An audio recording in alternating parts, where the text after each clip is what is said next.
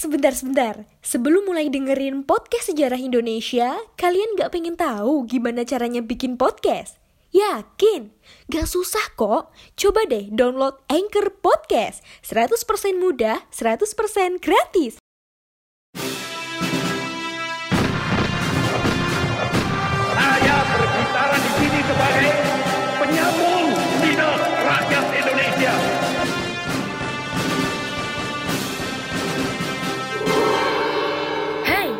Terima kasih sudah memilih mendengarkan kami, Poseidon.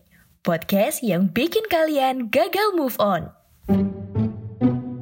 Halo Sobat Poseidon, kita ketemu lagi di konten History for Life Bareng saya Saifuddin Alif Dan konten ini akan tayang tanggal 25 Oktober ya Insya Allah hari Senin nanti Dan akhirnya Covid turun juga. Ya kita happy banget lah Karena pembatasan-pembatasan udah mulai dilonggarkan. Konser-konser musik juga udah mulai diizinkan. Jadi ya ya kabar bagus lah.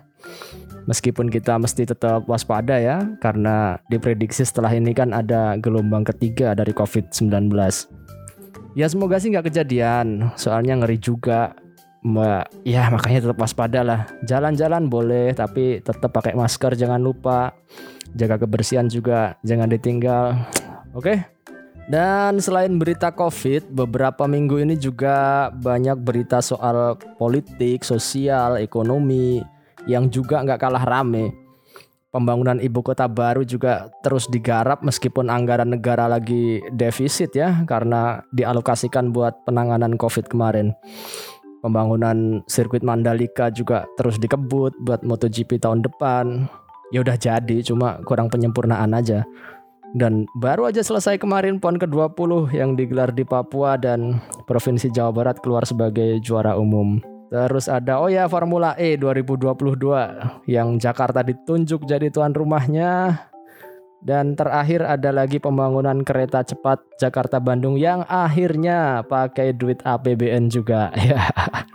4,3 triliun disuntik pemerintah buat pembangunan proyek yang katanya nggak pakai duit APBN ini dan beberapa cerita lain.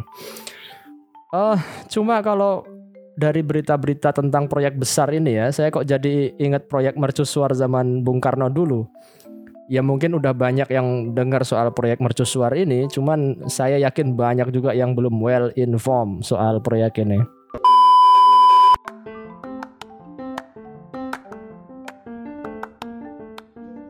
Halo Sobat Poseidon, kalian pasti sudah tidak asing lagi dengan Anchor. Yap, aplikasi penyedia jasa untuk para podcaster pemula dan juga pro. Buat kalian yang pengen mulai nge-podcast, langsung download aja Anchor di App Store ataupun di Play Store. Di sana, kalian bisa nge-podcast dengan banyak banget pilihan background musik. Setelah itu, kalian bisa mempromosikan podcast kalian ke mana pun. Secara otomatis, nanti akan di-sharekan oleh Anchor sendiri. So, tunggu apa lagi? Cus, nge-podcast bareng Anchor.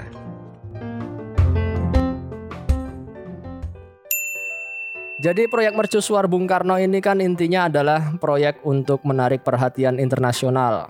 Kalau Indonesia adalah bangsa yang besar yang udah bisa membangun ini itu meskipun belum lama merdeka. Maka dibangunlah Hotel Indonesia, Kompleks Gelora Senayan, Stasiun TVRI, Wisma Warta, Tugu Selamat Datang, Jembatan Semanggi, terus ada Monas, Masjid Istiqlal, gedung DPR MPR dan beberapa infrastruktur yang lain. Uh, bangunan-bangunan ini sebetulnya awalnya itu untuk menunjang Asian Games yang Indonesia ditunjuk menjadi tuan rumah tahun 1962.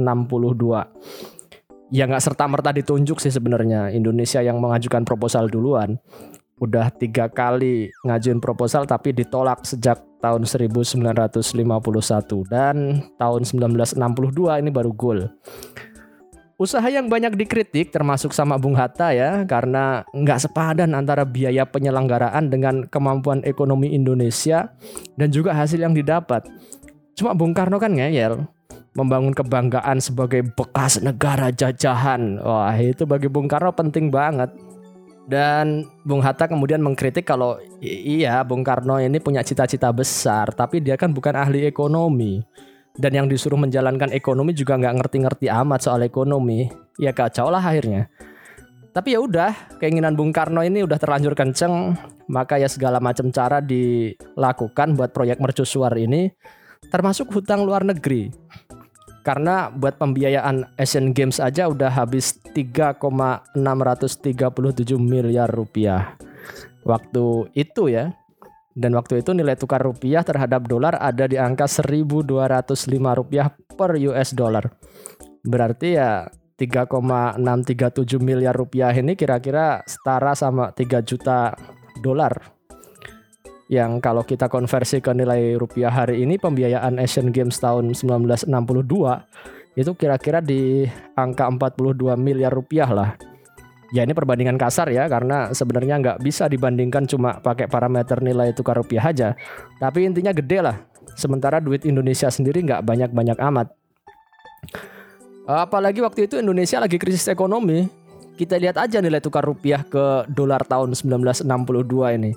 Yang per dolarnya ada di angka 1205 rupiah. Ini udah nyungsep karena empat tahun sebelumnya, tahun 1958, nilai tukar kita ini masih di angka 90 rupiah per US dollar. Dan ini belum selesai. Tahun berikutnya dibangun gedung DPR MPR yang waktu itu rencananya sebenarnya ya mau dipakai buat Konevo atau Conference of New Emerging Forces. Organisasi tandingan PBB karena awal tahun 65 Bung Karno ini menyatakan keluar dari PBB. Akibatnya apa? Anggaran negara melonjak tajam. Krisis ekonomi nggak bisa dihindari. Nilai tukar rupiah terus menerus merosot, Bung. Kebutuhan harian juga sulit dicari, inflasi meningkat tajam. Bahkan sampai 600% inflasi kita di tahun 1965. Tapi ya tetap aja proyek mercusuar harus terus jalan demi membuktikan Indonesia adalah negara besar. Ini yang bikin kita hari ini geleng-geleng ya perut lapar dan nasib rakyat ini dipertaruhkan demi sebuah kebanggaan. Belum lagi dampak-dampak yang lain kayak banjir misalnya. Loh apa hubungannya? Eh gini, kompleks Senayan ini kan nggak dibangun di atas tanah kosong melompong. Ada juga warga di situ. Mereka digusur dan ditempatkan di daerah Tebet dan Kemang. Yang ini sebenarnya menyalahi aturan rencana pembangunan Jakarta karena dua daerah ini sebenarnya udah direncanakan sejak masa Belanda buat jadi daerah pengendangan banjir. Dua daerah itu semakin padat jadi pusing sendiri mereka gara-gara banjir. Ya, ya iya sih, banjir ini udah ada sejak dulu memang, nggak usah sejak Belanda lah, sejak zaman Tarumanegara juga udah ada. Cuma master plan yang udah disusun ini kan banyak yang berantakan gara-gara proyek mercusuar dari Bung Karno ini. Cuma ya selalu ada secercah mentari di balik awan hitam, wih. Karena gara-gara proyek Bung Karno juga kita bisa lihat bangunan-bangunan megah yang belum banyak dibangun di dunia waktu itu. Sampai sekarang bahkan masih kita pakai. GBK, Gedung DPR MPR, Monas, Masjid Istiqlal, semuanya kan masih kita pakai sampai sekarang. Ya meskipun tetap ada perbaikan sana sini ya. Nah, sekarang terus apa hubungannya sama pembangunan ibu kota baru, gelaran Formula E, proyek kereta cepat Jakarta Bandung, sirkuit Mandalika dan lain-lain tadi. Ya nggak tahu juga ada hubungannya apa enggak. Silahkan disimpulkan sendiri aja lah ada hubungannya apa enggak. Dan oke okay, gitu dulu ya. Terima kasih.